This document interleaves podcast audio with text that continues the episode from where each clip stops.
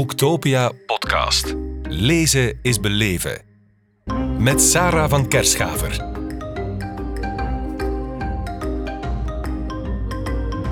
Barbara Rotiers, welkom in onze podcast op Boektopia in Kortrijk. Dank u, Sarah. Ja, je hebt een, eh, een prachtig geïllustreerd boek getekend en geschreven. Leven Astrid, levenslessen met de L van Lindgren, uitgegeven bij Pelkmans. Vertel, wat leert een bange poepschuiver, zoals jij jezelf noemt, van een stoere bomenklimmer zoals Astrid Lindgren? Ehm, wat heb ik daarvan geleerd? Even denken. Ehm, vooral als je een poepschuiver bent, blijf... Allee, uh, blijven schuiven. Zo, blijven schuiven. Aanvaard het. Ehm, ik heb het boek geschreven omdat Astrid Lindgren, mij los van haar werk, hè, het gaat echt over haar leven, ontzettend de kriebels geeft om alles wat ik over haar las, om te blijven spelen. Oké, fijn. Ja. En om het kind zonder kinderachtig te worden, in u ehm, wakker te houden en daar soms bewust bij stil te staan. Ja. En wat is dan het verschil tussen het meisje, eh, Barbara Rotier, eh, Rotiers, en ja, de, misschien de, de kinderachtige kant die je dan niet wil stimuleren? Wat is het verschil tussen die twee? Wel, ik zeg, eh, mensen die zo... Als je nu een volwassene bij een groep kinderen zet, hè, en die wil heel hard tonen van... Hé, hey, ik kan goed met jullie spelen. Dat vind ik vaak een enge mensensoort. Oké. dat bedoel ik zo met kinderachtig, zo, Ja. zo dat geforceerd. Ja. Maar ehm, wat ik dan bedoel eerder is zo het, het speelse vlammetje van binnen. Dat maken dat dat, dat gaspietje niet uitgaat. Ja, fijn. Ja, je hebt ook eh, kosten nog moeite gespaard om dat, eh, ja, die sporen te gaan opzoeken van Astrid Lindgren. Je bent helemaal naar Zweden gereisd. Sava. Ça va. Zweden, Sava. Ik heb nu andere plannen. Oké.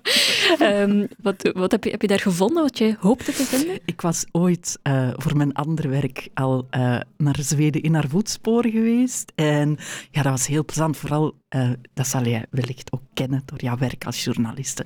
Als je ergens in zit, en, ehm, dan, dan komt alles nog veel meer binnen. En nu was bijvoorbeeld, eh, ik was in het appartement van Astrid Lindgren, wat al cool is om te zeggen, hè. Ehm, me- via de contacten van de familie die een goedkeuring hadden gegeven, dat ik daarmee aan de slag zou gaan. Dat moet allemaal niet, je kunt op zich schrijven wat je wilt, maar eh, haar dochter en zo leeft nog. En eh, dat is nogal een, een hechte familie, dus ik Ah. wil die mensen niet bruskeren. Ik wil vooral een eerbetoon brengen. Dus ja, hè, ik had die goedkeuring nodig en dan eh, mocht ik in het appartement, wat ondertussen denk ik gerenoveerd is en dus voor het publiek eh, toegankelijk is. En ehm, van een heel toffe moment was, je bent daar en je bezoekt als toerist. Hè. Dus Anna, die eh, leidt mij rond in eh, dit en dat. En hier is het bed waar Astrid Lindgren overleden is. Kijk, hier in het tapijt, dat gaatje in... eh, ja, daar is ze altijd opgestaan, s morgens, op dezelfde plek. Heel eh, regelmatig in het leven, Ja. laten we zeggen. Dus iedere keer voetjes op. En eh, het was de bedoeling op dat moment in Stockholm dat wij eens zouden kijken welke sketches dat ik al had, waar het naartoe ging, wat ik wilde vertellen. En we gingen normaal buiten. Ik zeg, ja, we can go for a cup of coffee. Eh, En die zei, goh, eigenlijk hier is toch rustig. En ze trekt de stoel eh, weg van tafel en zegt, ja, we, we kunnen dat hier doen. Maar dat was de keukentafel van Astrid Lindgren. Fijn, wauw. Ja. En als je me dat nu tien jaar geleden had gezegd, wanneer ik haar denk ik voor het eerst ontmoet heb, dan had ik dat niet geloofd. Nee. Dat, was, dat is zo... Dat is niet van... ehm, dat ik helemaal dan dingen ben van, van een aanbieding, want ik denk dat die vrouw of zo. daar niet... eh, Waarschijnlijk wel. Als ik die nu zou tegenkomen, zou ik echt niks kunnen zeggen en zo. Ja, hé. Ja. maar meer van... Het was voor mij meer ook een overwinning van, kijk, ik, ik ben hier en Hm. ik ben nu aan het doen wat ik heel graag doe, waar ik zo blij van word.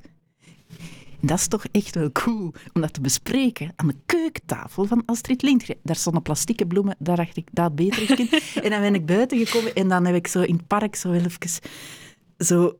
eh, Gaan juichen. Ja, en ik vind dat je daar dan ook moet bij stilstaan. Want als, als je daar niet meer blij van wordt, ja, dan blijf dan thuis. Ja. Maar dat, dat gejuicht, dat voel je ook in het boek, vind ik. Het is, dat hoop ik. Ja, het, is zo fijn om te horen dat je zelf energie kreeg door het te schrijven en te tekenen. Ja, en dat je die, die, energie dan ook doorgeeft, aan die blijdschap. Um, iets wat ik zelf aan bleef haperen is Astrid Lindgren, die, uh, ja, zij schreef meestal in bed. Fantastisch. Jij ook? Nee, nee, best niet, want in mijn bed... Ja, dan... Uh, nee, nee, nee, rechtop zittend. Okay, uh, ja. Anders... Nee, nee, nee. Ik weet ook niet of dat, dat nu echt zo comfortabel is. Ja. Nee. Stel dat we Astrid Lindgren vandaag uh, nog zouden mogen ontmoeten. Ja. Um, zou zij meegelopen hebben bijvoorbeeld in de klimaatmars? Denk ik wel, op kop. Ja. Dat denk ik wel. Ja. Ja, ze, allez.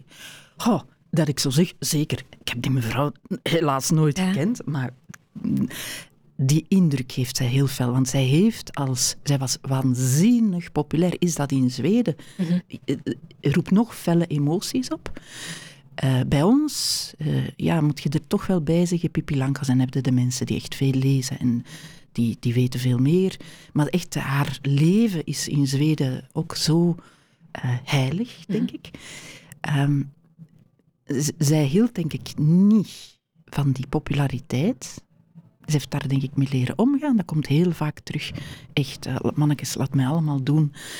Maar zij heeft wel haar verantwoordelijkheid opgenomen. En ze heeft uh, vluchtelingenkinderen. Er is nu een, jonge dame, die is nu plastisch chirurg en die heeft kunnen studeren dankzij Astrid Lindgren. Wow. Ja. En dat blijkt naar door dat, dat zij miljoenen heeft uitgegeven uh, aan ja, altruïsme, mensen helpen.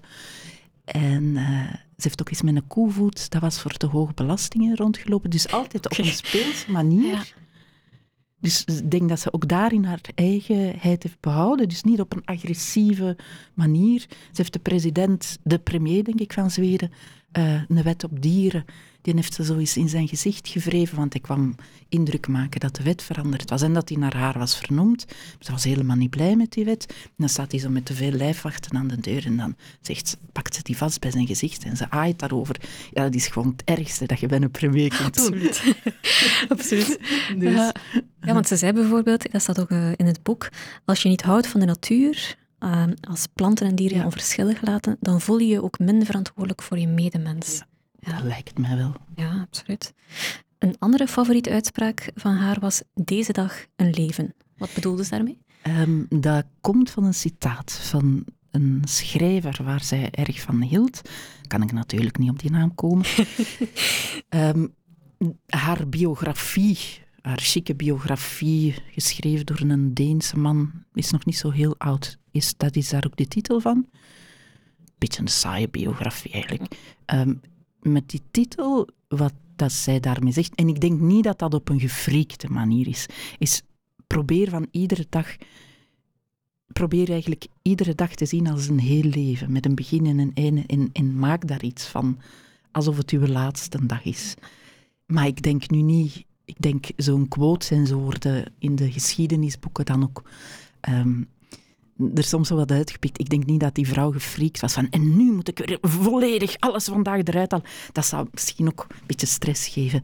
Daar lijkt maar wel van hoe ik het dan lees en hoe ik haar via boeken en, en studie heb leren kennen, is eerder van wees een beetje bewust mm. van het leven. En ik denk dat het zo simpel is wat zij daarmee wil zeggen. Dat is prachtig. Hè? Ja. Ja.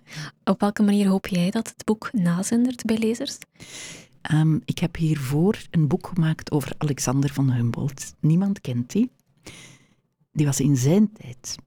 Dat was, het is eigenlijk een beetje dezelfde manier. Mm -hmm. Eigenlijk bijna zo bekend als Napoleon. Die waren in hetzelfde jaar geboren, die konden elkaar wel niet uitstaan dat is een detail. Dat was een waanzinnige mens. Een, eigenlijk de grondlegger van de ecologie. En ik heb daar een plumeau op de cover getekend om die van onder het stof te halen. en wat het mooiste cadeau is, en eigenlijk als de bedoeling van ik heb jonge ambassadeurs nodig, want dat is de toekomst, als uw neefje dat daar zit. Hè. Uh,